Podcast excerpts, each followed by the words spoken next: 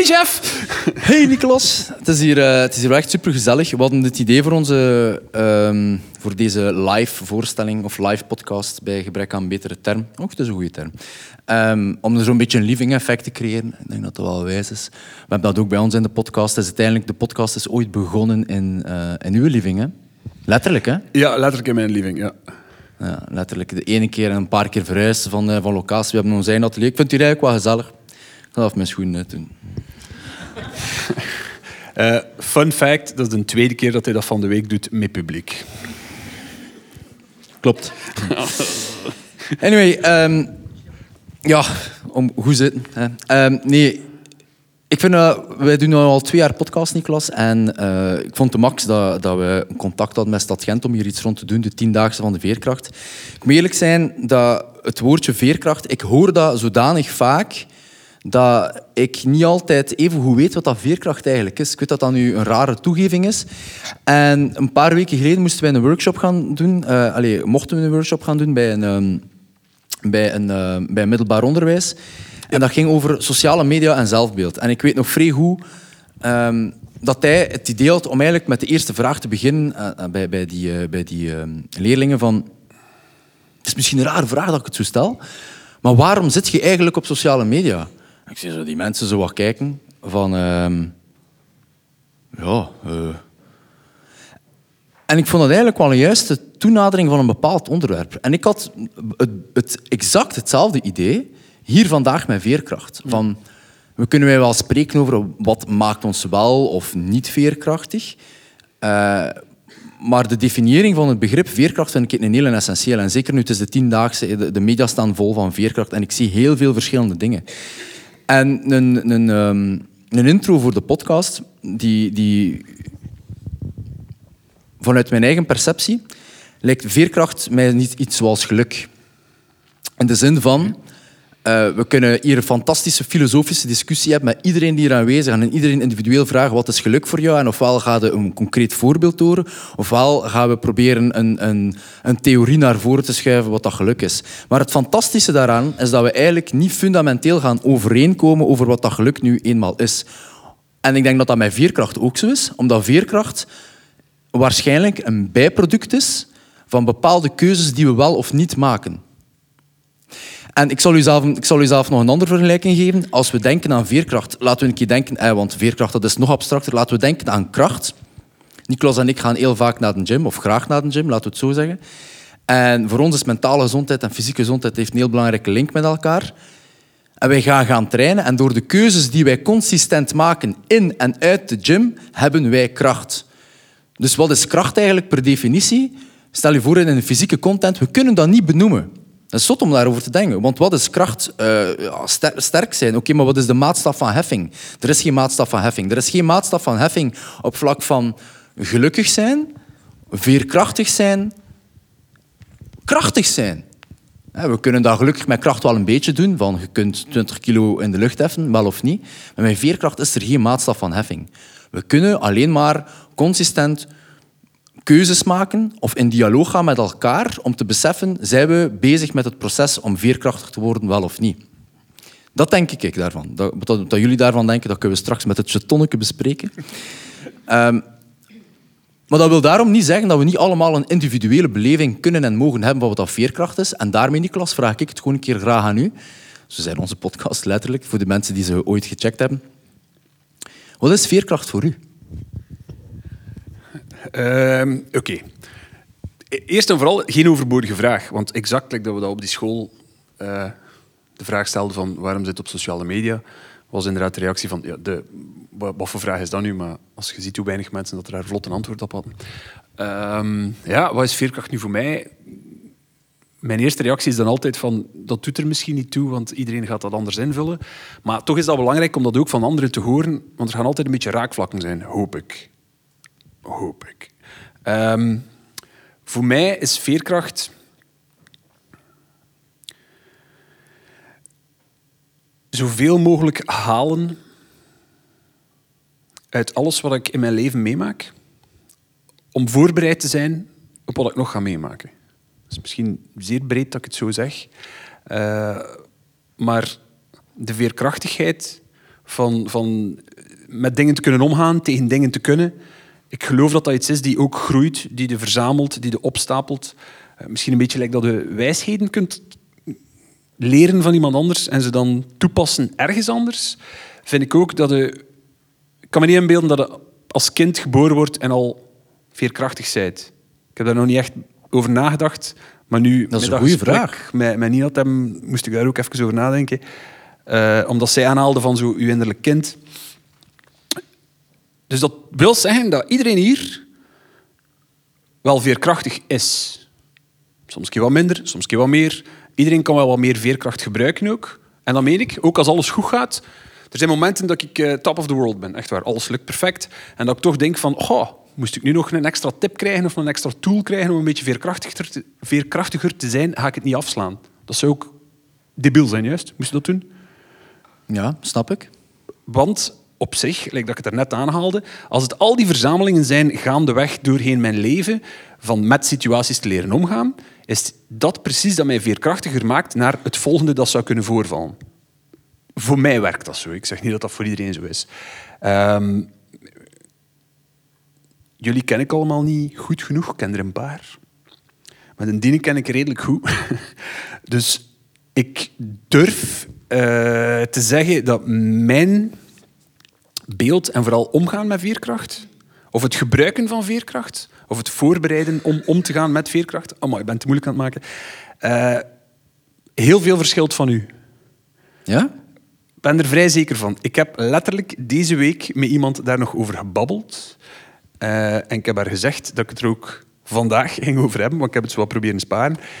Ik eh, ben zeker dat wij verschillen in, in onze veerkrachtigheid. Namelijk, ik geloof dat Jeff een planner is en ik ben een plantrekker. Misschien vrij simpel om het zo te zeggen, maar dat is in mijn opinie hoe wij op een verschillende manier veerkrachtig zijn. Wil ik daar concreet mee zeggen? Eh, Het beste voorbeeld is, de mensen die mij een beetje kennen weten dat een van mijn superpowers is te laat komen. Oh yeah. Amai. Amai. En, eh, ik doe dat niet graag. Ik probeer mijn best te doen van niet te laat te komen, maar ik ben altijd te laat. Ehm, Vandaag waren het op tijd. dat is een wonder. Je wil niet weten wat ik er heb moeten voor doen. Yikes. Nee, maar dus... In principe, elke keer als ik te laat kom, vraag, te laat kom excuseer, vraagt dat wat veerkracht van mij. Want op elke afspraak dat ik te laat kom, moet ik al mijn interactie met die persoon beginnen met sorry, ik ben te laat. En dan moet ik het oplossen. Dan moet ik zorgen dat ik het goed maak op een manier. Ehm, werkgewijs is dat meestal ik blijf langer, ik doe meer. Want dan moet ik het opvangen dat ik te laat was. In mijn ogen is dat ook veerkracht, want dat is omgaan met een eh, slechte, moeilijke situatie. Ik vind het een slechte, moeilijke situatie van te laat komen. Het is wel mijn eigen schuld, maar dan nog. Jeff gaat dat nooit overkomen. En als het hem toch overkomt van te laat te komen, is het mijn schuld. Omdat hij zeer, zeer goed plant. Hij is iemand die er tenminste in slaagt van zijn agenda goed bij te houden, op tijd te zeggen van dat kan wel, dat kan niet. Ehm, ik neem soms te veel hooi op het vork. Ik ben me daar zeer hard van bewust. Maar dan toch denk ik van, geen probleem, ik fix het wel. Ik trek mijn plan daar wel in. En dat vraagt ook veerkracht. Maar jij die dingen plant, in mijn ogen vraagt dat ook heel veel veerkracht. Want dat is tijd en energie die je al op voorhand daarin steekt, die ik nergens moet insteken, behalve in het achteraf oplossen. Ziet, kan iedereen me daar een beetje in vinden? Ik weet niet, het moet niet in zijn kamp of mijn kamp zitten, maar heb misschien een eigen kamp, maakt mij niet uit. Ehm, dat is voor mij veerkracht. Veerkracht is voor mij het oplossen. En dat, dat concreet voorbeeld van te laat komen, dat is, nu, dat is daar nu misschien zo een, een, eh, een, letterlijk een concreet voorbeeld van. Maar ik vind mijzelf veerkrachtig in een probleem aan te pakken als het er is. Dus Als het er is. als het er is. Dus ik ga daar niet op voorhand te veel... Dat is misschien niet slim. Niet te veel rekening mee houden of aan denken. Dus preventief doe ik daar weinig mee, als ik het zo mag zeggen. Maar als het er is, ga ik het aanpakken. Sowieso. Altijd. Ga ik ook altijd zo zijn. Ehm, soms zelfs ten koste van mezelf, maar, maar het moet maar opgelost raken. Voor mij is dat mijn veerkracht. Een soort van, dat klinkt een soort van kredietsysteem bijna. Ja, exa- ja, exact. Het werkt wel niet altijd zo, maar, maar ehm, Ja, eigenlijk. Als ik het ja. fout heb, heb ik het fout, Nee, nee, nee, nee, nee, nee, eigenlijk wel. Het is een kredietsysteem. Want ik, pas op, ik weet dat dat niet de gezondste oplossing is in de wereld weer. Maar, ehm, oh, kijk, ik ga het stelen. Ja, het is een kredietsysteem. Ehm, als ik bijvoorbeeld deze week bekijk, ik had heel veel te doen. Ik was ook nog naast het, mijn andere job aan het doen. Geen probleem, allemaal zeer graag gedaan. Maar dan weet ik van, ik ga net iets minder kunnen slapen. En dan weet ik van de momenten dat ik meer kan slapen, ga ik zorgen dat ik een beetje krediet opbouw om te slapen. Eh, Hetzelfde met eten. Als je bijvoorbeeld, ik denk dat iedereen hier wel een keer in een situatie is geweest dat hij door omstandigheden niet zo lief voor zichzelf was, omdat er te veel druk was of dingen moest gedaan worden, en dan niet de gezondste beslissingen nam. Soms een keer iets minder gezond aan het eten was, terwijl hij dacht van ik heb juist al mijn vitamintjes nodig. Maar dus, ook in voeding is er een kredietsysteem. En ehm, ja, dat is eigenlijk een vrij goed verwoord kredietsysteem. In veerkracht is er voor mij zeker een kredietsysteem. Ik eh, gebruik alles op waar dat nodig is en ik zie dan wel achteraf waar dat ik het moet opladen. Zeker sociaal ben ik daar eh, een uitblinker in. Ik, ik denk, allee, ik, ik kan dat beamen. Ehm, wel, kijk, dat is ook een concreet voorbeeld van hoe wij daarin verschillen. Ik geloof dat hij veel beter sociaal uw grenzen kunt beschermen en stellen. In de eerste plaats communiceren. Hij is zeer communicatief in waar hij grenzen stelt in het sociaal zijn. Hij is daar ook een man van zijn woord in. Dus als hij zegt van ik ga daar zijn voor u, ga dat doen, dan doet hij dat sowieso. Maar hij gaat ook heel duidelijk zeggen, verbetert mij als, als je het anders ziet, van dat past niet voor mij of dat kan ik niet doen, so be it. Waardoor dat hij alles wat hij ook plant, sociaal gewijs, kan doen, kan vervullen, kan geven. Ik ga te veel over mijn eigen grenzen. Ik probeer er sociaal gewijs zoveel mogelijk voor mensen te zijn. Maar dat is dan ook weer al mijn krediet opgebruiken. De veerkracht die ik daarin heb, is ook plots op. En dan plots verdwijn ik.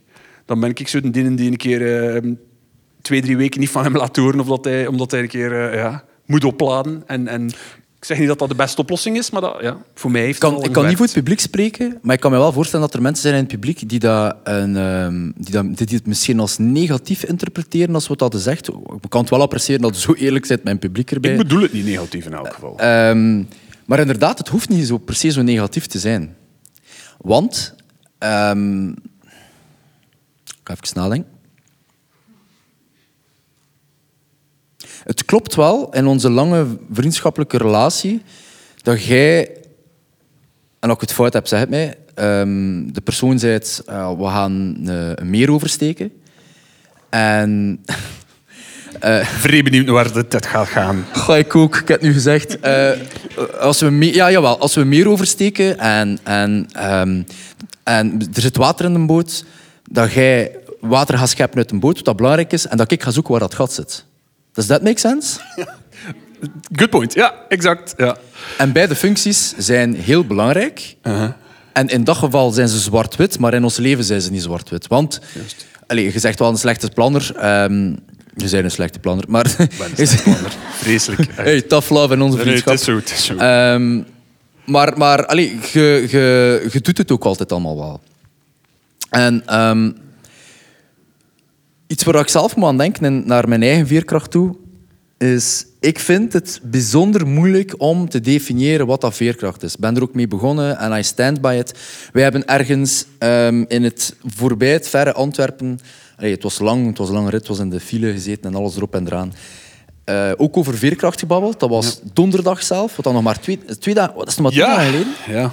Dat heb je dan En in die tiendaagse van de veerkracht. hè. En ik moet zeggen, dus we hebben daar ook een heel spontaan gesprek gehad, gelijk nu over veerkracht. Ehm wij hebben daar toen goed over gebabbeld. In de auto nog constant over gebabbeld. Het was weer file, Kennedy-tunnel en de max. En, wij, en sindsdien heb ik daar nog over nagedacht en is mijn idee over veerkracht weer al veranderd. In de zin van dat ik eigenlijk nog minder zeker ben wat dat veerkracht is. Wijs. Ja, het wordt een wijze podcast, vrienden. Maar, eh, maar wat ik wel kan zeggen over veerkracht...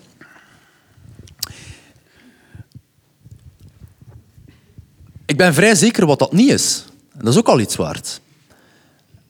Ehm, ik ben een boek aan het lezen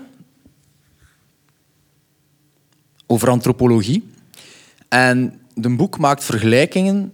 Eh, Ik ben hem aan het lezen omdat we een podcast hadden gedaan met, eh, met Elke van Hoof. En ik vond, zij is bezig met, met, met de werksfeer. Ik vond dat frappant. Het is een boek die vergelijkingen maakt tussen evolutietheorie en hoe dat we ons gedragen binnen de werksfeer en de vergelijking die worden gemaakt uh, met, uh, met stammen uh, vanuit, de, vanuit de oertijd of het Paleolithicum. Klinkt nogal saai. Ik vind dat niet saai, dat terzijde. En die mens heeft gigantisch veel dingen bestudeerd in zijn leven. Ik vind dat hyper interessant. En die zegt is dat als we kijken naar bijvoorbeeld mensen die aan de top van een bedrijf staan, denk maar aan een CEO, uh, um, dat die mensen bijvoorbeeld dat we kijken van, amai, hoe vallen die mensen niet plat? Hoe vallen die mensen eigenlijk niet neer? Die doen niet anders dan werken. Alles erop en eraan. Hoe is dat toch in godsnaam mogelijk dat die mensen niet neervallen? Maar wat blijkt, is dat uit heel veel onderzoek dat dat eigenlijk unrelated is aan hoeveel druk dat we voelen. Hoeveel, hoeveel dat we werken. Of dat je nu acht uur per dag werkt, twaalf uur per dag of 16 uur per dag werkt, eigenlijk is dat unrelated met hoeveel dat je aan kunt. Want is dat er eigenlijk gewoon de mensen die eigenlijk het meest afzien of die meest neigen te gaan naar een burn-out, is mensen die meestal niet de CEO zijn of, of, of een hoge leidinggevende functie, maar de mensen die eigenlijk ergens zo net onderaan zitten of net in dat middensegment. Want wat blijkt, is dat die mensen, zeker in een heel grote corporate sfeer, heb er zelf ook ervaring mee en ik ken veel mensen, is dat die mensen zich afvragen, wat doe ik hier eigenlijk? En ik denk persoonlijk, wat ik er zelf uit kan afleiden, is dat een burn-out. En ik kan niet voor mensen spreken die dat bijvoorbeeld hebben gehad of die dat nog gaan hebben, maar ik heb zelf zeer dichte aanrakingen mee gestaan. Is dat een burn-out, is dat je dat eigenlijk ervaart wanneer dat er een kloof ontstaat tussen de verwachtingen dat je hebt ergens iets uit te halen en wat dat je er daadwerkelijk uithaalt. En daarbij aan gerelateerd is dat je niet goed het verschil kunt maken tussen wat kan ik controleren en wat kan ik niet controleren. Ik ken iemand in de professionele wereld die, uh, die in een heel corporate sfeer, een heel corporate setting zat. En die had het gevoel van, nah, ik heb het gevoel dat mijn baas eigenlijk niet echt bezig is met wat ik bezig ben. Um, ik kan een keer een rapportje sturen vol met lorem ipsum tekst. En lorem ipsum tekst is eigenlijk fake tekst. Dat is zo Latijnse woorden door elkaar. Dat heeft eigenlijk geen inhoud. En die persoon die, die, die maakt dat rapportje op vier pagina's lang. En ik stuur dat door mijn werkgever. En die werkgever zegt, amai, goed gedaan van de week. hey, goed bezig, jong. En het is inderdaad een grappige situatie, want het is, het is, het is een soort van absurdisme. Maar ik ben er wel heilig van overtuigd, is dat die persoon, dat dat het ingrediënt voor burn-out is. Want je voelt je niet nuttig in je job en je verwacht wel om nut, nut te hebben in je job. We lachen er soms wel een keer weer oh, mooi, mijn baas weet niet waar ik mee bezig ben. Maar ik kan niet geloven, ik wil niet geloven dat merendeel van de bevolking een job wil hebben waar ze zich niet nuttig voelen. Dat kan niet. We werken 38 uur in de week. We willen ons fundamenteel nuttig en geapprecieerd voelen.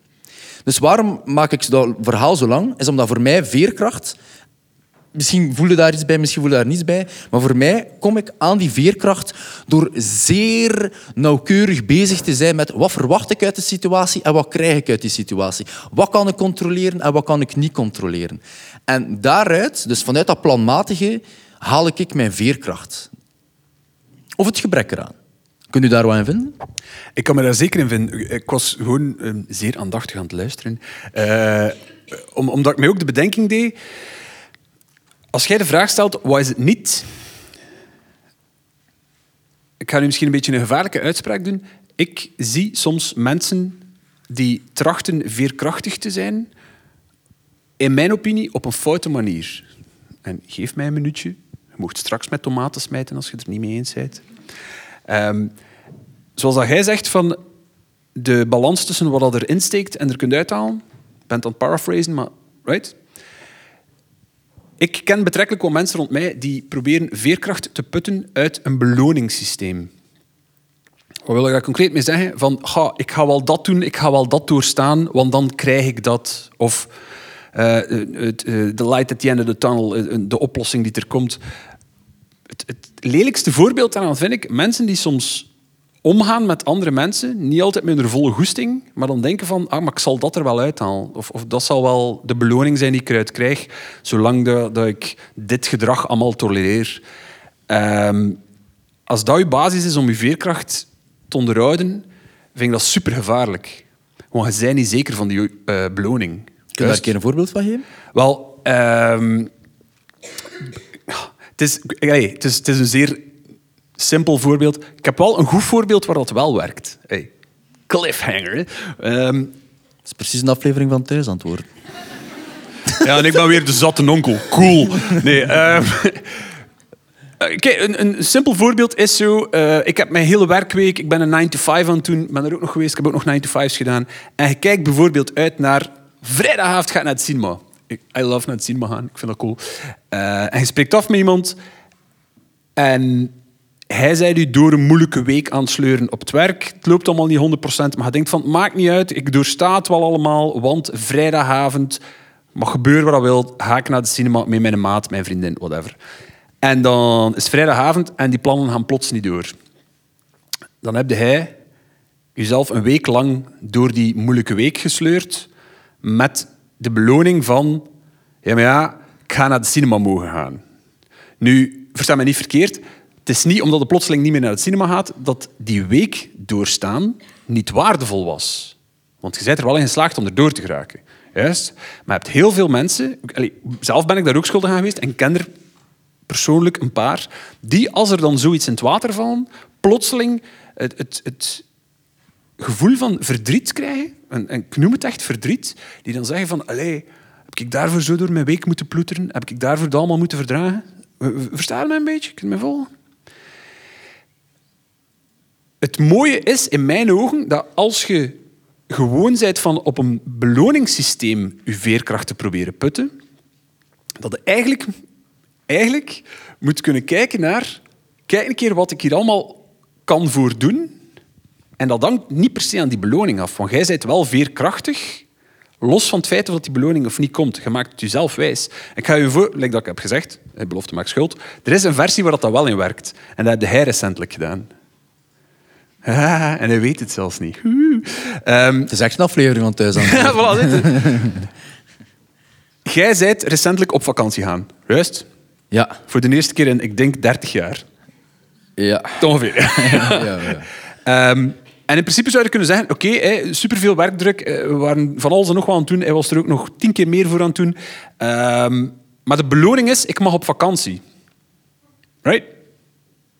Maar ik weet Ja. dat jij zo er niet mee aan het omgaan waart. Want ik verzeker jullie, en de, de mensen die hem... Kijk, zijn mama en zijn vriendin hebben het ook gezien. En ik hoop dat ze mij gelijk geven als ze dit, dit verhaal nu horen. Dus de seconde dat jij beslist hebt, ik ga die een dag op vakantie, was er plotseling een rust. En dat ging niet meer over die vakantie. Dat ging niet meer over, ah, eens ik op vakantie ben, kan ik weer opladen. Oké, dat komt erbij. Dat is mooi, als dat lukt. Maar voor hetzelfde geld heb je een kutvakantie. Sorry dat ik zo zeg, maar het kan. Maar hij werd zo rustig, plotseling, in alles wat moest gedaan worden, omdat hij wist, daar is er een moment dat ik radicaal voor mezelf kies. En ik heb u in lange tijd niet zo rustig gezien. Niet zozeer van op vakantie te gaan. Niet daarachter. Dat was ook tof. Maar de aanloop daarnaar, omdat hij zelf had gezegd van... Kijk, ik weet dat ik op vakantie mag. En daarmee wil ik zeggen, die beloning deed er niet meer toe. Hij had rust gevonden in dat het kon, dat het zichzelf toegelaten heeft. In principe was dat echt een vorm van zelfzorg dat hij hebt toegepast. Zonder dat hij dat misschien had beseft. Heb je dat zo'n beetje ervaren of niet? Erover aan het nadenken. Ik doe hem wat aan. hè. Ik denk dat wij dat allemaal repeteren, maar dan zie je. Ehm, Ik vind... Ik, ik weet nog niet of ik het antwoord klaar heb op, op uw vraag specifiek, maar ik moet wel nadenken over het, eh, het beloningssysteem, wat dan Nicolas zegt. Vind dat interessant. Ik denk daar zelf ook vaak over na. Ehm, denk maar aan, het, aan, het, eh, aan, aan ons werksysteem. Ik heb daar geen oordeel over, ik observeer het, maar we zitten met 21 dagen verlof op een jaar. En eh, voor veel mensen is het alles of niets. 21 dagen verlof en de rest van het jaar ongelukkig zijn.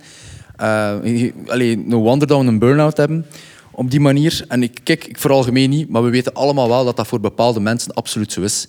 En weet wat ik daar dan nog straffer aan vind? Want ik heb het geobserveerd. De vriendinnen zijn samen op reis gegaan en we zijn naar Griekenland geweest. En eh, wat, wat zie je dan? Voor mij, inderdaad, gelijk dat Niklas, dus kan eigenlijk wel ja zeggen, maar ik besef nu net dat ik, dat ik er kan over eh, reflecteren. We gaan op vakantie, maar ook de dag zelf dat we vertrokken waren, ook al was ik eigenlijk nog thuis, op mijn gemak mijn valies aan het inpakken, ik was eigenlijk al op vakantie. En wat, dat wat dat je soms ook ziet, zeker ik heb dat vroeger nog meer gezien dan nu op deze vakantie. Ik ben ook naar Mallorca, naar een Alin-vakantie geweest. En je ziet daar zo mensen zo ongeduldig op dat, allee, op dat vliegtuig zitten wachten en, dan, en zich ongemakkelijk voelen en te zitten opjagen met die valies en te sleuren. En allee, Frans, kom aan, zet toch de ticketten niet vergeten, hè, maat? En, allee... Eh, en, ik, en en die mensen die, die, die zijn pas op vakantie een keer dat ze om zes uur s ochtends kunnen opstaan om dan uiteindelijk in dat Alain Hotel die een handdoek op dat spel te smijten en daar dan te zitten en die een zonnecrème... En dan, en dan uiteindelijk zitten ze daar en nu zijn ze op vakantie. Uh, ik heb het misschien wel lacherig uitgebeeld, maar ik heb daar echt nog altijd geen oordeel over. Maar ik vind dat spijtig, omdat dat, omdat, dat is het leven niet. Dat is het leven niet. Uw leven is niet met uw handdoek in Mallorca op een liggen. Het leven is niet margaritas drinken op het strand. Het leven is niet alleen maar werken om naar de cinema te gaan. Het leven is niet uh, selfies pakken op de Empire State Building, ook al heb ik dat zelf gedaan. Allemaal goed en wel. het is maar eerlijk. En dat is het leven niet. En, en, en de reden waarom dat, dat het leven niet is, is omdat dat de uitzonderingen van ons leven zijn. En als we ons geluk gaan baseren op de uitzonderingen van ons leven, gaan we fundamenteel voor de rest van ons leven ongelukkig zijn. Ons leven bestaat uit de consistentie van keuzes die we maken voor onszelf. En ik ga een concreet voorbeeld geven. Ons leven is niet, dat ik zeg, margaritas drinken op het strand. Ons leven is wel... kan niet stilzitten. Ons leven is wel de, de, de, de manier waarop dat we elke dag goeiedag zeggen tegen onze partner of onze vriendin of onze moeder of de mensen die, die met ons samenwonen. De manier... Ons leven is wel hoe, dat we, hoe vriendelijk dat we zijn naar onze collega's. ons, ons leven is wel Um, um, hoe, hoe dat Niklas en ik naar elkaar zijn, nog los van de werksfeer. Ons leven bestaat uit alle kleine micro-interacties. Mijn eigen vriendin die hier vandaag is... Sorry dat ik u altijd pak als voorbeeld. Het is eigenlijk de eerste keer dat ik dat doe, nu dat hierbij zit, by. Zij is zelf, iets wat ik van haar leer, is ook van ah, het zonnetje zit uit. Uh, ze, maakt daar een cappuccino en ze legt daar in de nof op... op um, uh, ja, ik weet het niet. Ik was er niet bij. Uh, op, nee, op, uh... Stel je voor van wel. En, uh, dat... en ze legt daar in de, in de nof op, op, op een lichtzetel en, en ze geniet echt een kwartiertje, twintig minuten, lijkt dat Dirk de Wachter mindfulness zou noemen, heel genieten van dat zonnetje. Dat is iets wat ik van haar ook meer en meer aan het leren ben. Maar dat is wel het leven. Het leven is wel die interactie die ik met haar heb, die interactie die ik met, met hem heb en die interactie die ik met jullie heb.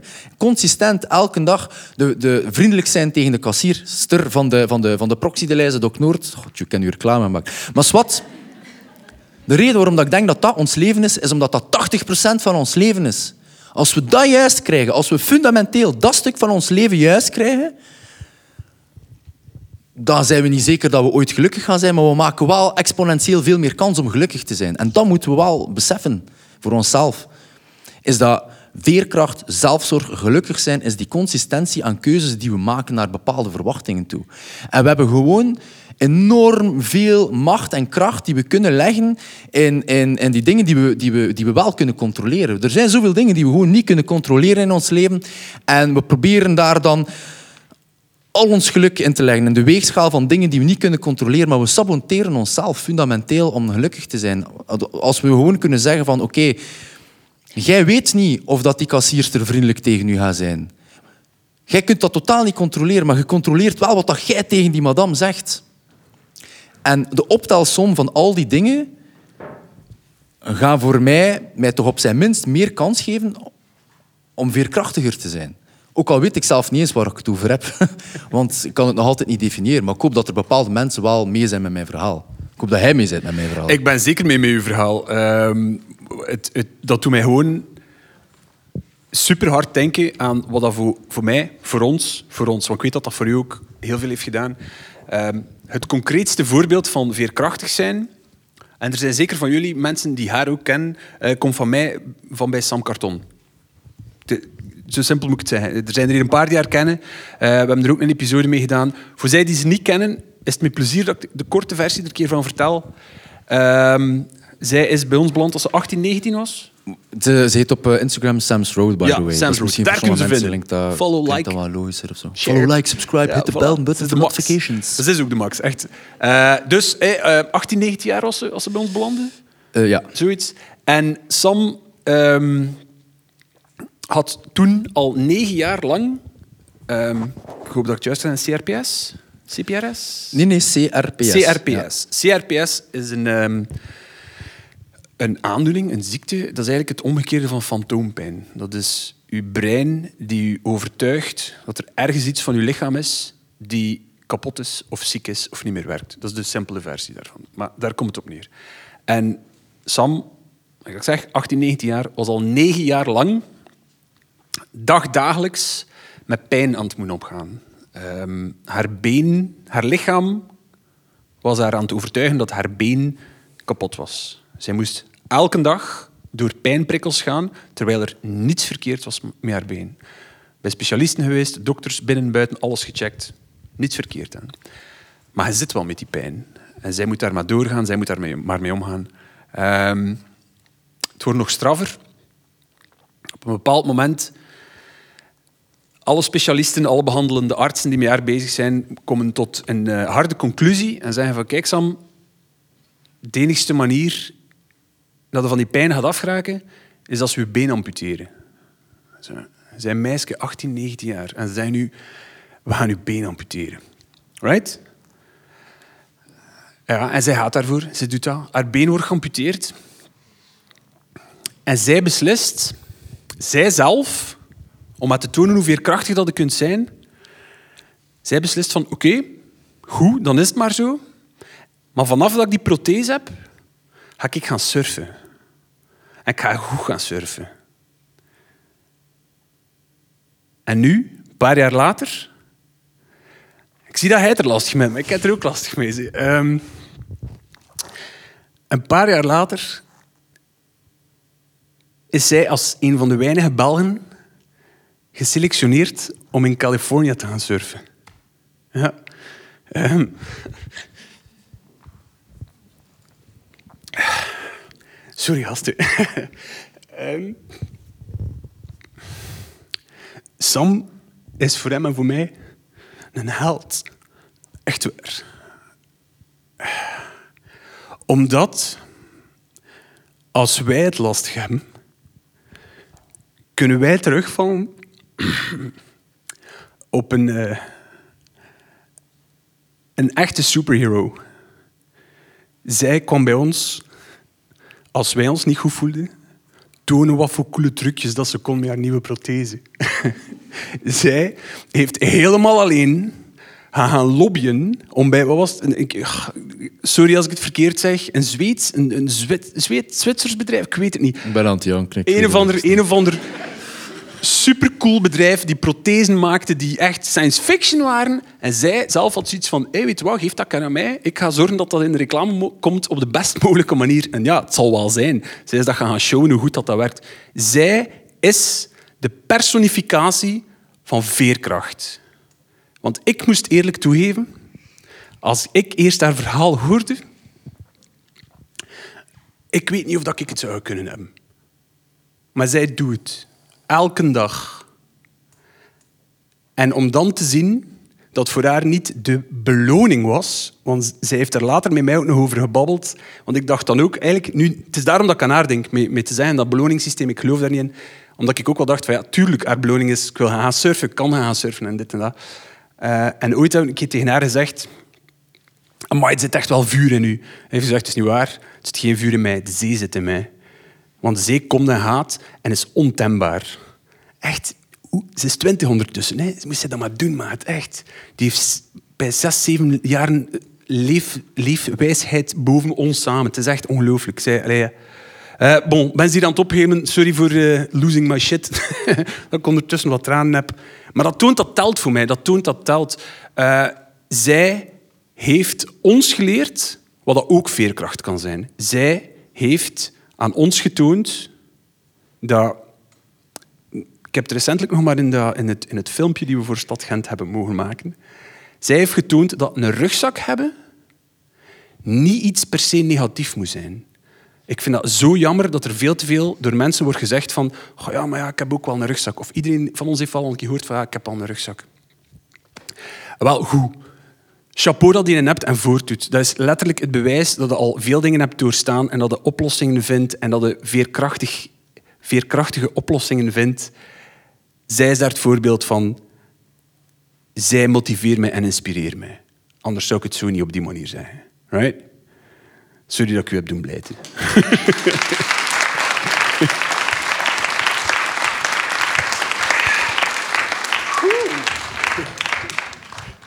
Daaraan zie je zo twee stoer mannen een beetje over kwetsbaarheid babbelen en alles. Ja, ja, it's a gimmick, ja, dag. Ehm, Ja, ik ben even van mijn melk zelf. Eh, de, die...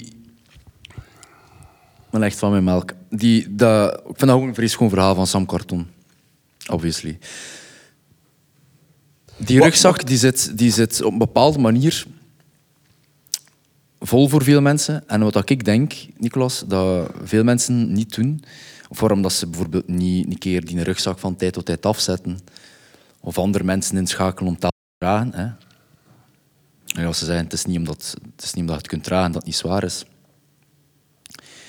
Ik denk dat dat veel gepaard gaat met schuld en schaamte. Ja, maar het is mijn schuld dat ik dat heb gedaan. Ja, maar ik schaam mij dat ik in deze situatie zit. En het is pas het is pas door met andere mensen te spreken, eigenlijk met u. Want hoeveel keren hebben wij niet samen het nachtleven afgesloten en dat ik uren is staan blijten in uw armen, of omgekeerd. ehm, over dingen waar ik dacht van, amai, ik ben helemaal alleen in de wereld met het thema. Helemaal alleen met deze gevoelens. En het was ofwel mijn schuld eh, of verantwoordelijkheid dat ik daarmee zat. Of, het was, of ik, ik was er beschaamd om. Maar ik heb het altijd wel kunnen delen met, eh, met Nicolas. En daar ben ik voor altijd dankbaar voor. En dat was niet per se omdat, omdat Nicolas altijd advies wist. Soms wel. Ik denk dat we van tijd tot tijd een grote broer voor elkaar zijn. Ook al is Nicolas iets ouder dan mij. Maar omdat hij altijd wou luisteren. En dat is altijd iets, iets ehm, gigantisch belangrijk geweest voor mij. En er is zo iets wat Nicolas altijd doet, of ja, altijd doet, wat ik hem een paar keer zien doen, dat ik echt kippenvel van krijg alleen maar aan te denken. Het is misschien de moment. Ik ben benieuwd. Je weet- wat ik bedoel, toch? Ah ja. Maar ja, als zij moet al zien zitten. Hè. Ehm, had misschien even kunnen... Ja, dus kunnen oké. even een klein beetje... mag ik jullie eventjes in iets betrekken? Vind je het niet erg? Oh, nee. Ja, know, Ah, ja, ja, het is een klein beetje licht. Eh, Kijk, normaal gezien doen we dat, doen we dat op scholen en zo. ehm, omdat ik, wij zijn er heilig van overtuigd dat wij zeer veel kunnen leren uit scholen. Dus als in, wij mogen naar daar gaan, cool. Zij willen iets horen die wij aan het vertellen of aan het verkopen zijn, whatever. Daar gaat het voor mij niet om, want het gaat hem over de boodschap, niet over ons. En wat wij kunnen leren van hen. Lang verhaal om eigenlijk te zeggen... Ik stel daar regelmatig de volgende vraag. Wie van jullie, moet gewoon maar een keer een hand omhoog steken, wie van jullie voelt zich comfortabel in, als ze het moeilijk hebben, of bijvoorbeeld keer wat meer veerkracht nodig hebben, een keer te praten tegen iemand anders? Wie? Gewoon een keer een hand omhoog steken. Ah, dat is mooi. Dat is een schoon groot deel. Daar ben ik al blij voor. Ja, half en half. Nee, dat is ook niet erg. Half kan ook. Half kan ook. Oké. Tweede vraag. Wie van jullie voelt zich comfortabel om te luisteren naar iemand die een keer wat raad of hulp nodig heeft? Imagine that. Bijna iedereen. Oké. Dus nu ga ik extra lastig doen. Nu ga ik gewoon opnieuw de eerste vraag stellen, wetende wat al weet dat er zoveel mensen willen luisteren. Wie van jullie voelen er zich comfortabel om een keer iets te zeggen tegen iemand anders? Toch wel wat meer. Ja, ziet de halfhand gaat ook meer omhoog. Hè? Zie, kijk, wel, kijk, kijk, dat is voor ons de grootste les die wij op die school al hebben gezien. En nu, bij jullie, eigenlijk ook. Dat luisteren is zo een essentieel deel daarvan. Precies like dat ik het in het begin ook aanhaalde, van proportioneel is iedereen zijn probleem het grootste probleem. Dat toont ook dat het absoluut niet erg is van een keer die plaats op te eisen en toe te eigenen van mijn stem mag ook gehoord worden. Hij, jullie allemaal, mogen ook een keer jullie ding zeggen. Want iedereen hier in die zaal, tenzij dat ik iemand gemist heb, heeft zijn hand opgestoken als ze best een keer willen luisteren. En pas op, ik versta dat er daar ook tijd en ruimte moet voor zijn. Hè? Right? Right. Er zijn momenten dat je dat liever niet aan kunt. En dat is niet erg. Maar dat doen wel dat iedereen die een keer zijn ding kwijt wilt, het ook mag doen en mag proberen. En als je daar ook al een keer in het verleden een slechte ervaring mee hebt gehad, mag je dat niet inhouden van dat de volgende keer ook gewoon te doen. Het is niet omdat u uw verhaal of de boodschap die de Heineken wil overbrengen niet goed ontvangen wordt of niet begrepen wordt, dat uw verhaal niet waardevol is. De eerste volgende keer dat het wil proberen, laat het uzelf toe. Want dat zijn die mini-stapjes waar dat ook sterker en sterker door wordt, in de goede zin. We hebben letterlijk donderdag daar ook iets gehoord die ik sans gêne daar steel om het hier aan jullie te geven. Geen zorgen, ik heb het wel tegen haar gezegd dat we het gingen stelen. Er was iemand die bezig was over dat ze in een zeer moeilijke job zat. Remember?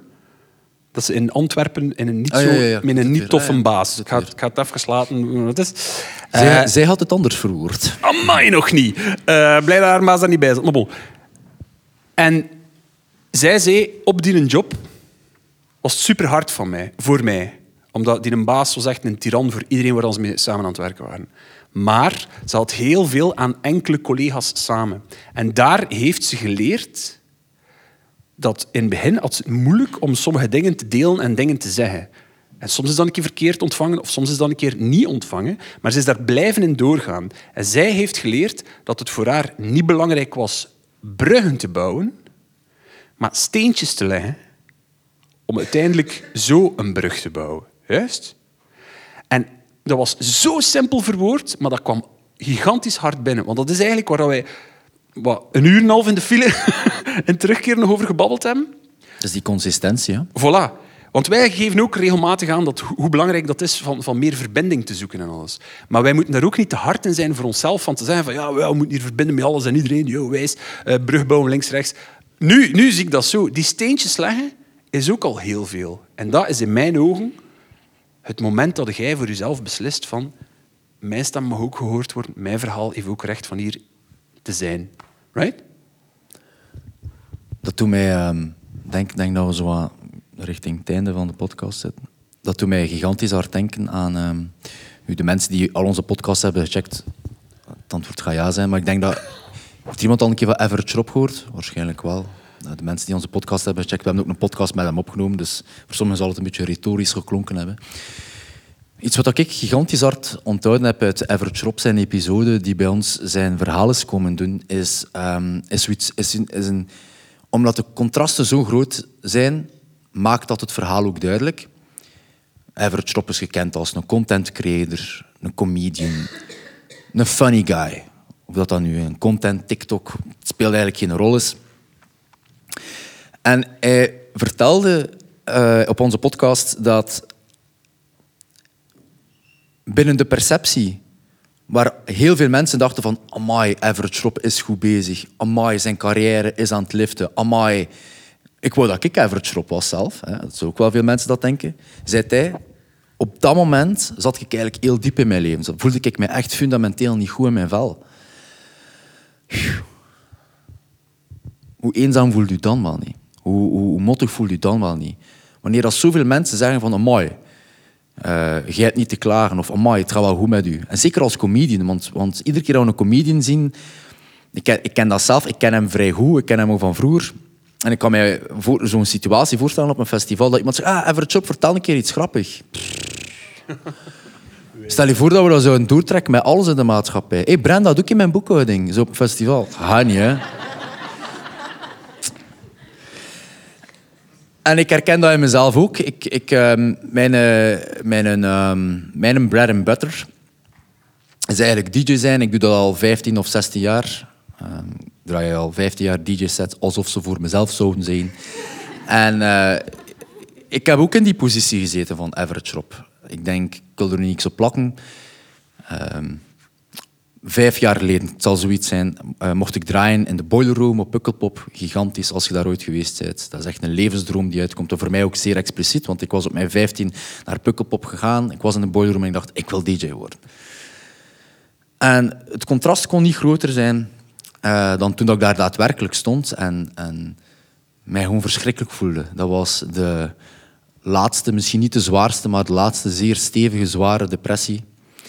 Ehm, gekoppeld aan suicidaliteit. Ben niet super trots om dat te zijn, maar het is wat dat is. En ik herinner mij een moment dat ik daar sta voor, eh, voor, voor, voor 6, 7, 8.000 mensen. Ik wil er vanaf zijn. En dat ik al die gezichten zie en, en iedereen is aan het feesten en iedereen is aan het genieten en de muziek. En ik krijg zo'n soort van outer body experience. Ik heb dat ook in een boek geschreven voor de mensen die hebben gelezen. Um,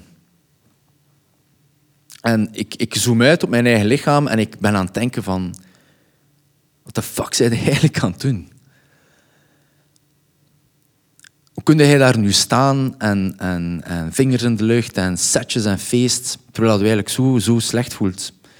En wat dan een jongensdroom had moeten zijn, was een nachtmerrie. Want ik was zo de minuten aan het aftellen dat een set gedaan was om backstage te gaan. En hij denkt, backstage, Pukkelpop, Glam and Glory, niets. Hè. Daar staat een stage manager die zegt, wat? En hij passeert en ik passeer backstage en ik val door mijn knieën en ik krijg gewoon een paniekaanval. Minutenlang, minutenlang, helemaal alleen.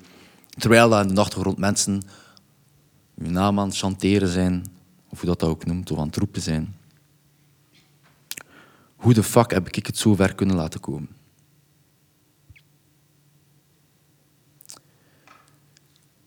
En dat is indirect of direct waar dat onbespreekbaar voor mij misschien een beetje geboren is. Ik ben, dankzij hem, dankzij mijn moeder, dankzij mijn vriendin ook in de later fase, daaruit geraakt. Uh, niet op je 1, 2, 3. Die traumatherapie waar ik daar net over had in de podcast met Nina Mouton, heeft mij ook enorm veel geholpen. Maar dat is mijn drive, voor mij persoonlijk, niet voor hem. Ik kan dat voor hem niet bepalen. Voor onbespreekbaar, omdat ik had schuld en schaamte in die situatie. Ik dacht dat als, als ik wou dat mensen mij, mij, een sterk persoon vonden. Maar ik ben een zwak persoon geworden omdat ik me altijd sterk voordroeg. En met onbespreekbaar is dat iets wat ik samen met hem deel. Is dat, is dat, wij weten ook dat wij de wereld niet gaan veranderen. Totaal niet. Maar wij kunnen misschien en hopelijk wel van tijd tot tijd de wereld van één iemand veranderen. En het beste daaraan is, is dat wij dat allemaal kunnen. Iedereen die hier vandaag aanwezig is, van wij tot Manu die ons fantastisch helpt met de podcast, tot Nina Mouton, tot Gustia daarachter de soundbar, tot jullie, het volledige publiek. Iedereen vandaag heeft de kracht om misschien wel de wereld van één iemand te veranderen. En niet door advies te geven, maar gewoon door er te zijn, door nabij te zijn en door te luisteren. En dat is waar ik vandaag mee zou willen afsluiten. Hopelijk, als jullie hier vandaag buiten komen, reflecteer een keer voor jezelf. Dat moet niet vandaag zijn, dat moet niet morgen zijn, dat moet niet volgende week zijn. Het moet eigenlijk zelf gewoon niet. Maar probeer een keer na te denken van... Misschien kan ik wel iets uit mijn rugzak, rugzak aan iemand anders geven. Misschien kan ik hem wel even afzetten. Misschien kan iemand mij wel helpen met mijn schuld en schaamte. En zo niet, kan ik dat misschien wel voor iemand anders doen. En die pijn, die echo van die pijn, ontdekken in iemand anders, ontdekken in mezelf en die verbinding creëren. Want godverdomme mensen, echt waar, laat het niet zo ver komen als dat, als dat bij mij was. Er is, een ander, er is een licht aan het einde van de tunnel. Er is een licht in de tunnel. Het is hier vandaag aan het gebeuren, op 8 oktober in de Kazematten. Ik was er misschien niet meer, maar ik ben hier nog altijd dankzij de mensen die mij omringd hebben. Ik ben daar voor eeuwig dankbaar. Dus dank u wel daarvoor. Dank u wel ook om hier te zijn, om te luisteren, te luisteren naar ons. En dank u wel aan uzelf om hier te zijn. Want voor ons is het schoonste geschenk dat we hier kunnen zijn en dat wij kunnen en mogen verbinden rond topics rond mentale gezondheid. Want ik vind dat absoluut niet vanzelfsprekend. Dus dank u wel om bespreekbaar en onbespreekbaar te zijn. Echt waar. Dank u wel.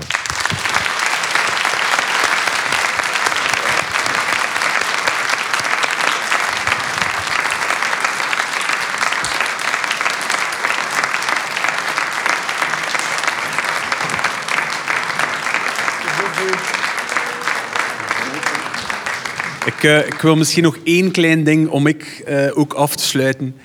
En dat is eigenlijk naar jullie toe. Um, dit hier zien, jullie hier allemaal samen, die hier tijd en plaats aan geven in een zaterdag.